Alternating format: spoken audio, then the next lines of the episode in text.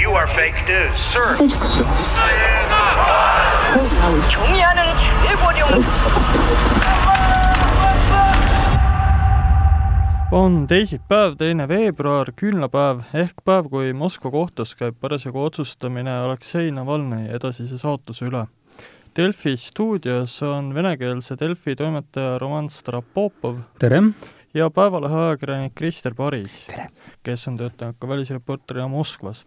mina olen Kaarel Kressa ja viskaks esmalt küsimuse õhku, et kuidas on, me mäletame hästi, et et oli aeg, kui riigimeedias Venemaal isegi Aleksei Navalnõid ei eksisteerinud ja tema nime kunagi ei nimetatud.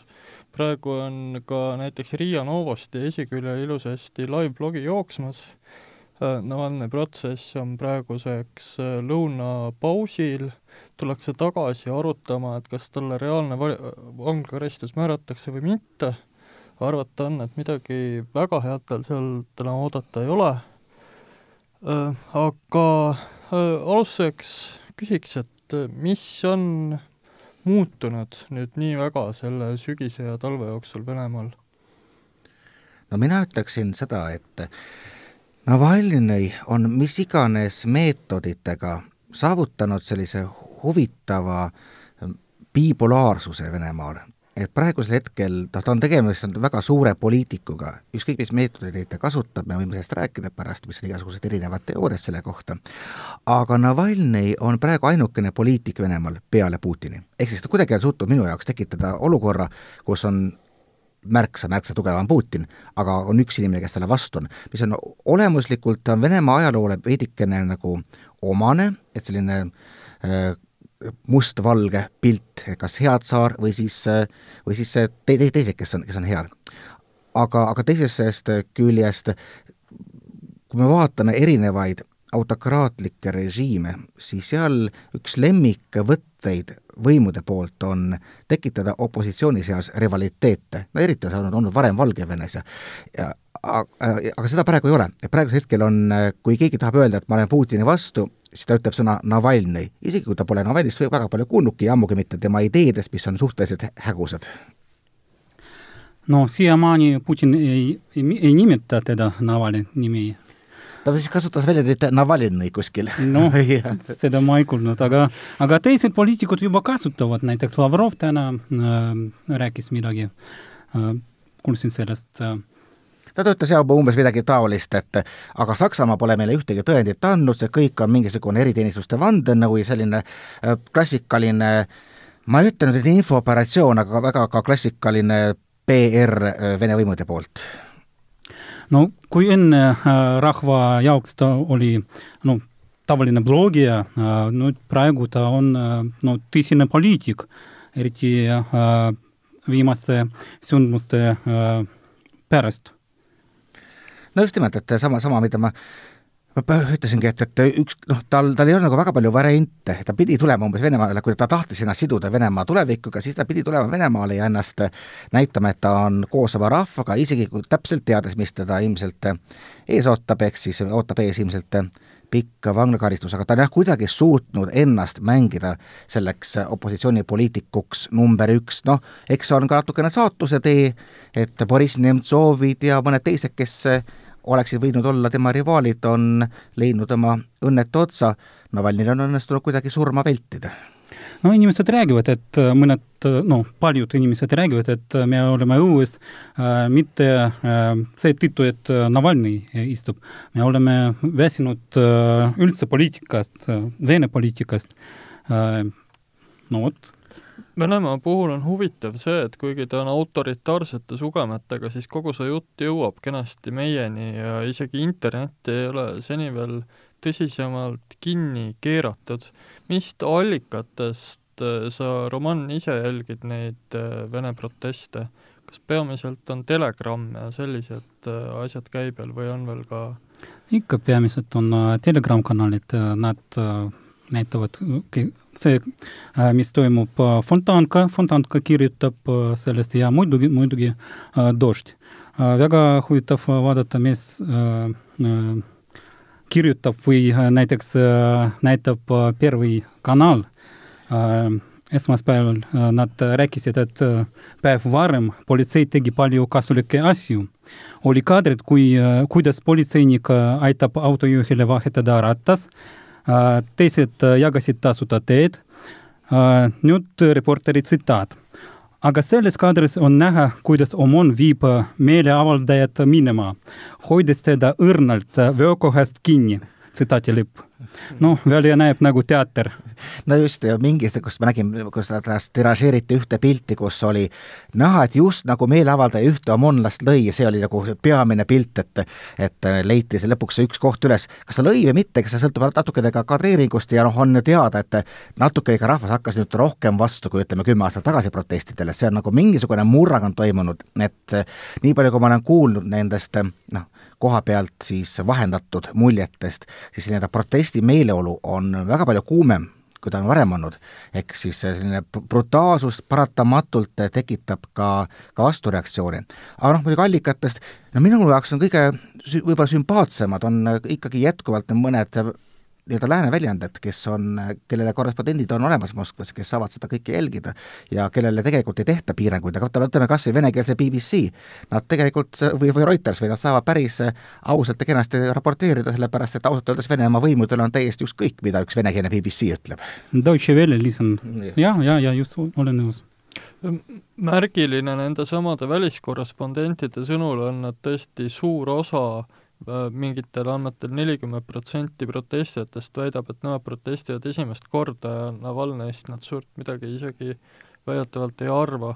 ja teine asi, mis on uus, on tõesti äh, võimude käitumine igal tasandil, seni ju teatavasti Navalnõi on iga kord lastud lahti pärast väikest trahvi ja või istunud kakskümmend, kolmkümmend päeva niimoodi, jah.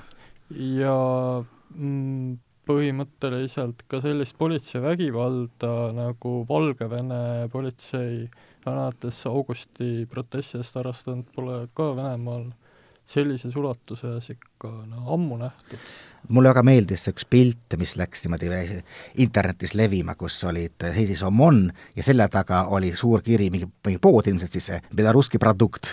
ehk siis ma olen seda ammu nagu näinud tegelikult juba üle kümne-viieteistkümne aasta, et see, mida alguses katsetatakse Valgevenes, suhteliselt isegi mitte mingil kujul, vaid umbes üks-ühele võetakse mõnevõrra hiljem üle Venemaal, kui asi puudutab kruvide kinnikeeramist, ehk siis Lukašenka on olnud varem pioneer, no praegu muidugi jah, ütleme see, mis oli Valgevenes, on jõudnud võib-olla kiiremini Venemaale, aga jällegi, kui ma loen neid kirjeldusi, noh, jah, elektrišokirelvad Piiteris oli täiesti uus tase aga et ähm, see vägivald ei ole nii metsik ja nii õhker, kui, kui on, on ikkagi see, mida kogetud äh, varem Minskis, tõesti need arreteeritute hulgad on suured, aga üldiselt äh, kumminuiaga vastu pead saavad ikkagi noh, vähesed, eks iga pea on võib-olla üks pea liiga palju, aga olemuselt äh, ta, ta ei ole veel selle piiri peal, nagu on Minskis nõus. kumminuist vaatasin nägin internetis üks karikatuur, tegi Jolkin. seisavad Putin ja Lukašenka, nendel on käes kumminuid ja Lukašenka ütleb, vaata, kuidas on vaja. noh no, no, just nimelt, just nimelt, et noh, Valgevene kui väiksem kant on olnud selline hea, hea katsepolügoon. Ja ma kardan küll, et kui me natuke mõtleme seda pilti laiemalt ja kui nad näevad, et mis Valgevenes sünnib või õigemini, mis ei sünni, võidakse vabalt jõuda Kremlis mingi hetk järeldusele, et isegi kui nad peaksid olema ka avaliku arvamuse jaoks vähemuses, mida, mis Venemaal pole üldse nii kindel, kui praegu Valgevenes on, siis ikkagi jõuabil saab päris tükk aega võimul olla. Mm,. jah, nõus kahe tuhande neljateistkümnendal aastal aitas välissekkumine Ukrainas, aga nüüd on kogu see entusiasm ära lahtunud. Või on mastaabi erinevus võib-olla ka. Pluss, pluss ikkagi, vaata Ukraina, Ukraina oli ikkagi võrreldes Venemaaga ääretult palju informatsiooni mõttes vabam ühiskond, et kõik, kes tahtsid midagi äh, Janukovitši vastu äh, teha või öelda, nad said seda ja, ja seda ei, ei tsenseeritud selle eest üldiselt, midagi väga hullu ei järgnenud, et me räägime ikkagi täiesti mm, eri kinnikeeratuse tasemega ühiskondadest. ja ma täpsustan, et Vene võim aitas legi-, võimu legitimiseerida nendepoolne sekkumine Ukraina äh, siseasjadesse. aga üldiselt tahtsingi jutu viia selleni, kuidas praegused Vene protestid resoneerivad välismaal ja meil äh, muuhulgas on tehtud juttu selles, et need, kes käisid Vabaduse väljakul protestimas, olid peamiselt äh, Eesti venekeelsed äh, nooremad inimesed. kas on meil mingisuguseid andmeid selle kohta, mida arvavad Eesti venekeelsed inimesed ja kas siin on ka mingisuguseid hoiakuid muutumas näha?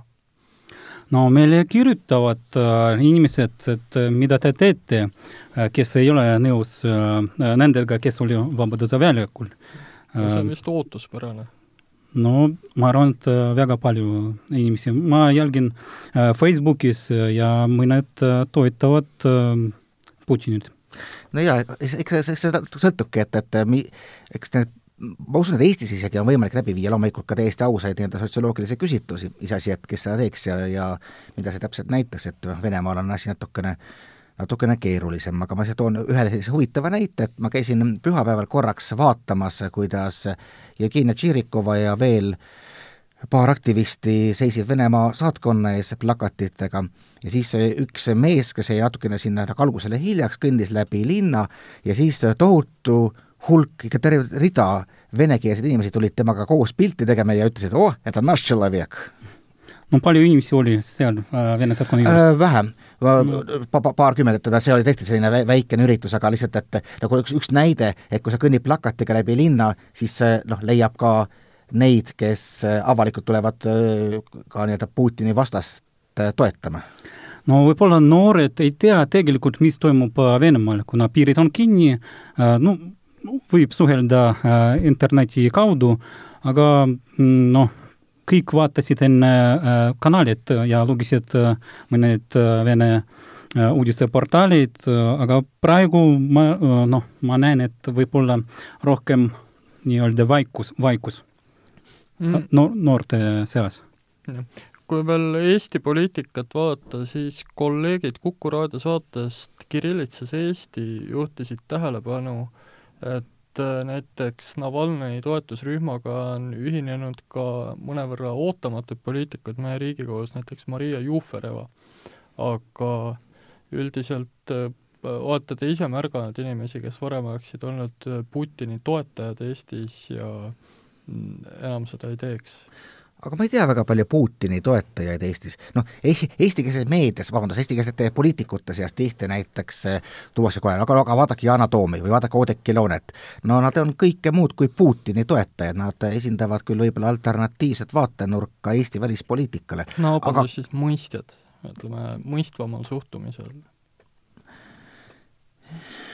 ma ei oska niimoodi öelda, kui, kuivõrd see nii-öelda see tunnetus on muutunud. Ja peame ka arvestama muidugi, et inimestel võivad olla ka enda isiklikud huvid, no näiteks kui see eelmisel laupäeval see suuremat sorti miiting oli Vabaduse väljakul, siis ma pärast ka suhtlesin nende noh, mitte isegi võib-olla korraldajatega, ütleme aktiiviga. Ja nad kirjeldasid, kuidas tulid sellised huvitavad telefonikõned, et eh, tugeva vene aktsendiga, et kas te ikka teate, et eh, teil on viisataotlused kuskil ootel või teil on tulevikus äkki huvi tulla Venemaale või noh, anti, anti nagu mõista, et kui väga aktiivselt ennast kuskil seota, siis siis kellel on suurem huvi mingi põhjuse käia Venemaal, siis see võib katki jääda ja siis on õhus teema see, kuidas ikkagi lääne valitsused käituma peaks ja milliseid avaldusi oleks sobilik teha.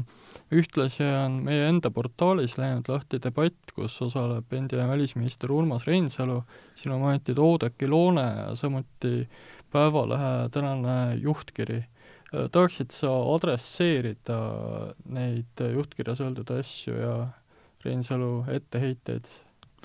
Ei no Urmas Reinsalu positsioon on väga selge ja jõuline, ta on nii-öelda Euroopa pistrik, ta ütleb, et et Euroopa peaks äh, märgatavalt äh, jõulisemalt äh, sekkuma, mõtlema veel täiendavatele sanktsioonidele. Ja meie päevane juhtkiri oli põhimõtteliselt seda kõike toetav. ta ütles seda ennekõike, et, et Eesti meil on väärtuspõhiselt huvid olla nii-öelda õigete poole peal, et igatepidi hukka mõista kõike, mis õõnestab demokraatiat. Eesti peaks olema selle tingimata eeskõnelejad, ei peaks olema see kõige ägedam, noh, me kasutasime väljendit klähviv koer, mida täna muide Urmas Reinsalu tundub, et pidas enda kohta käivaks, see, see, see ei olnud päris niimoodi. aga et ähm, meie välispoliitiline huvi ei ole tingimata norida Venemaaga, me peaksime toetama aga samas väga jõulisi positsioone, kui, kui Euroopa Liit neid leiab või vähemalt mingisugused plokid Euroopa Liidus seda, seda leiavad, sest et äh, nii-öelda meie väärtusruumist oluliselt erinev ruum on kohe meie kõrval, ehk siis meid ta võib-olla ohustab kõige, kõige enam. aga noh, rääkides nii-öelda võimalikest sanktsioonidest, siis on, seda debatist oli veel, oli osapooli, näiteks Eiki Berg, Tartu Ülikooli siis rahvusvaheliste suhete professor tõi, tõi välja, et miks sanktsioonid üldjuhul ei tööta, on ikkagi inimeste või vabandust, riikide äh, või huvigruppide väga tugevad huvid neid enda huvides siis äh, rikkuda. ja üks klassikalisemaid näiteid on ikkagi Nord Stream et kui pärast veel Navalnõi mürgitamist korraks nagu tekkis Saksamaal mingi debatt ja võib-olla ta jätkubki, et äkki peaks ikkagi seda viimast sada viiskümmend kilomeetrit, mis seal jäänud turul ehitada, seda mitte kaasa aitama sellele, siis Angela Merkel ütleb suhteliselt nagu arusaamatutel põhjustel minu jaoks, ütleb ikkagi, et ei, ei, see ikkagi jätkub, see ikkagi jätkub ja ja see tekitab noh, Euroopas õnneks päris palju praegu diskussiooni ja see on täitsa omaette teema, et kas ta ikka jätkub või mitte, kui eriti kui arvestada ka Ühendriikide administratsiooni seisukohti ja võib-olla USA-st tulevaid sanktsioone. aga ütleme jah, et ehk siis äh, sanktsioonid äh, peaksid olema kas reaalsed või siis äh, noh, teha neid puhtalt enda mingi poliitilise renomee nimel või enda, enda heameeleks, et me ka tegime just nagu midagi, tegelikult midagi tegemata, ei peaks olema tingimata Eesti huvides. oli siis pikk lühike vastus sinu sellele kommentaari palvele mm? -hmm. ma ilmselt Äh, märgin ära, et ma ehmatasin natuke Reinsalu arvamuslugu lugedes ja vaatasin üle, mida Päevalehe juhtkiri ja ka uus välisminister Eva-Maria Liimets Vene sanktsioonide kohta ütlevad ja õnneks äh, kumbki ei ole äh, Euroopa sanktsioonide vastu. või noh, mõlemad positsioonid on täiesti muutmatud, et no, sellised, nagu meil on alati olnud. just nimelt, ehk siis Eesti, Eesti tugevus on ühtsus oma liitlastega. jah aga siia lisaks öö, tooks selle teema, et kohati on lääne need toetusavaldused tunduvad natuke kehvasti läbimõeldud, et kui nädal tagasi olid need protestid, siis USA esimene reaktsioon oli tunnustada Navalnõit, aga Inet, noh, ebamugavalt kõlas see, et nad nimet-, teadsid, et nad Äh, seisavad oma partnerite ja liitlaste taga ja seda võtsid ka paljud Vene dissidendid natuke halvasti vastu, et äh, palun ärge nimetage Navalnõid USA partneriks ja liitlaseks, sest see mõjub täpselt nii, nagu ta tõesti käiks kuskil Vene luureteenistus, välisluureteenistustega kokkuleppeid tegemas ja niimoodi võitluse südamete ja mõistuste nimel jah, haaratakse sellistest asjadest loomulikult kõvasti kinni.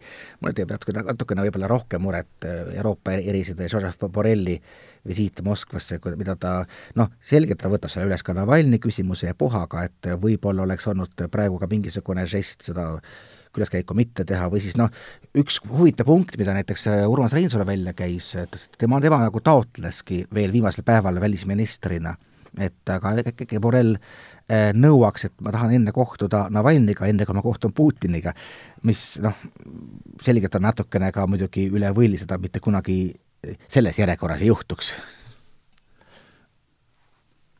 ja Borrelli puhul see on natuke ka pettumust valmistav, sest ta ei ole vana, varem välja paistnud otseselt sellise Gerhard Schröderi stiiliga, et alustame puhtalt lehelt ja saame hästi läbi. aga me peame samas aru saama, et noh, Euroopa Liidus on terve rida riike, kes ähm, suhtuvadki märgatavalt suurema sümpaatiaga Moskvasse ja üritavadki teda mõista ja, ja eks Borrell ka siis peab otsima keskteed. ma ikka mäletan hästi veel, veel paari aastat tagust äh, külaskäiku Kreekasse, kus sealsete poliitikutega sai räägitud. Ja see oli juba pärast Krimmi sündmusi, nad ütlesid, et jah, me saame aru, et see kõik on nagu olemuselt vale, aga tegelikult Kreeka suurim liitlane väljaspool Euroopat on läbi ajaloo olnud Venemaa, seda ei muuda mitte, mitte kuidagi olgu veel öeldud, et äh, kui nüüd tuli viimane Navalnõi vangistamist ja protestide mahasurumist tauniv Euroopa avaldus, siis sellele ei suudetud saada taha Euroopa ühtsust, vaid kirjutasid alla kõik riigid peale Ungari. kahju, et niimoodi ei saanudki alla kirjutada, selle asemel olid kõik riigid eraldi üles loetud. Aga siit võiks tulla ka selle teema juurde, et Ungari on ainuke Euroopa Liidu riik siiani, kes lubab kasutada Vene vaktsiini Sputnik viis ja ühtlasi võiks äh, lugejal tekkida küsimus, et kuidas seal Venemaal praegu selle pandeemia ja vaktsineerimisega lood on, mis on teine oluline kriis? no probleem on suur, ikka iga päev me näeme, et umbes äh, kakskümmend neli või tuhat uut nakatunut. aga ma tean, et äh, mõned eelis-, eelistavad äh, Pfizeri, ka noh, kahjuks nad ei saa vaktsineerida, aga äh, Skolkovos näiteks äh, juba saab, see on äh, tasuline. sellest äh, rääkis ka äh, Riigiduuma liige äh, kuskilt, ta ütles, et äh, temale helistas äh, tuttav arst ja pakkus, aga ta loobus.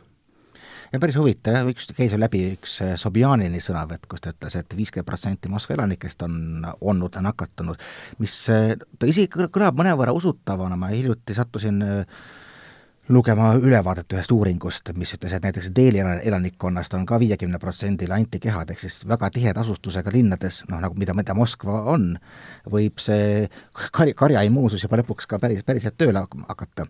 aga eks seda peavad ka siis rohkem, rohkem eksperdid hindama aga mis puudutab Ungarit ja teisi riike, siis mul tuli kohe, kohe meelde, kuidas käib ikkagi selline vaktsiinidiplomaatia, no, no Hiina nüüd, Hiinaga annab, annab Hiinaga sõlmiti ka Ungariga kokkulepe, et siin ka Hiina vaktsiini saada. Hiina näiteks äh, siis lõpuks toetab ju Pakistani ja muid, aga kui ka rääkides nagu Vene mõjusfäärist, siis hästi huvitav oli lugu, kuidas Serbia teatas, et aga meie oleme valmis äh, Kosovot kenasti vaktsineerima ja Kosovo võimud tegid selle peale küll suured silmad, aga aga lõppkokkuvõttes, kui üks pakub vaktsiini ja teine ei paku, siis äh, sümpaatiate nimel selline võitlus käib. Huvitav on see, et äh, meie elanikud äh, Ida-Virumaalt vastupidi äh, tahavad eelistavad Sputnik V ma kirjutasin sellest ka kuna mitu korda tegin reportaažit Ida-Virumaalt äh, tuttav Venemaalt, tuttavad Venemaalt räägivad, et nad helistavad Pfizeri, juba rääkisin mm. -hmm. ja et noh, nad seletavad, et äh, nad pigem kardavad Sputniku tõttu surra kui koroonaviiruse tõttu et välisajakirjanike sõnul just välisajakirjanikud ongi peamine sihtrühm, kes seda Sputnikut julgeb endale süstida. jah, ja no nii palju, kui ma olen ka vaat-, lugenud äh, Äh, nii-öelda sõltumatu meedia ülevaates, siis ega pole e-, eriti leitud vist ühtegi eksperti, kes ütleks, et Sputnik halb oleks. pigem öeldakse seda, et mis juhtus, on see, et nad natukene omaenda võttest läksid selili, kui nad hakkasid juba augustis kuulutama veel enne suuri teste, meil on juba kõik valmis, siis nad lõid juba sellise halva fooni sellele, ega nad pole ka vist taotlenud üldsegi mitte Euroopa Liidult selle, selle heakskiitmist. tasapisi ikka taotlevad, aga neil alles nüüd hakkavad tegelikult need kolmanda faasi inimkatsed lõppema. ja aga, Euroopa Meditsiiniamet niikuinii lohistab jalgu. Absolu-, absoluutselt, võrreldes mõnede riikidega. aga et noh, ütleme, kõik, mis on nii-öelda jõudnud avalikkuse ette, kinnitab, et tegemist on ühe täitsa toimiva vaktsiiniga Mm -hmm. no huvitav on see, ma lisan, et äh, Vene meedia üldse ei kirjuta Sputnikust äh, midagi halba, aga kui toimub midagi AstraZenecaga või äh, Pfizeriga, aktiivselt väga äh, tihti kirjutavad sellest jah, et kui Sputnik kunagi saab Euroopa kasutusloa, siis ilmselt teda tõesti pelgama ei peaks, ta teadaolevalt on natuke madalama tõhususega, ehk siis igal puhul ilmselt nii hästi ei toimi kui Pfizeri oma aga sellest peaks saama palju odavam. aga jah, et ta on saanud praegu Iraanis, Serbias, veel käputäis riikides, vist Bosnia on teinud liigutusi selles suunas ja nüüd ka Ungari.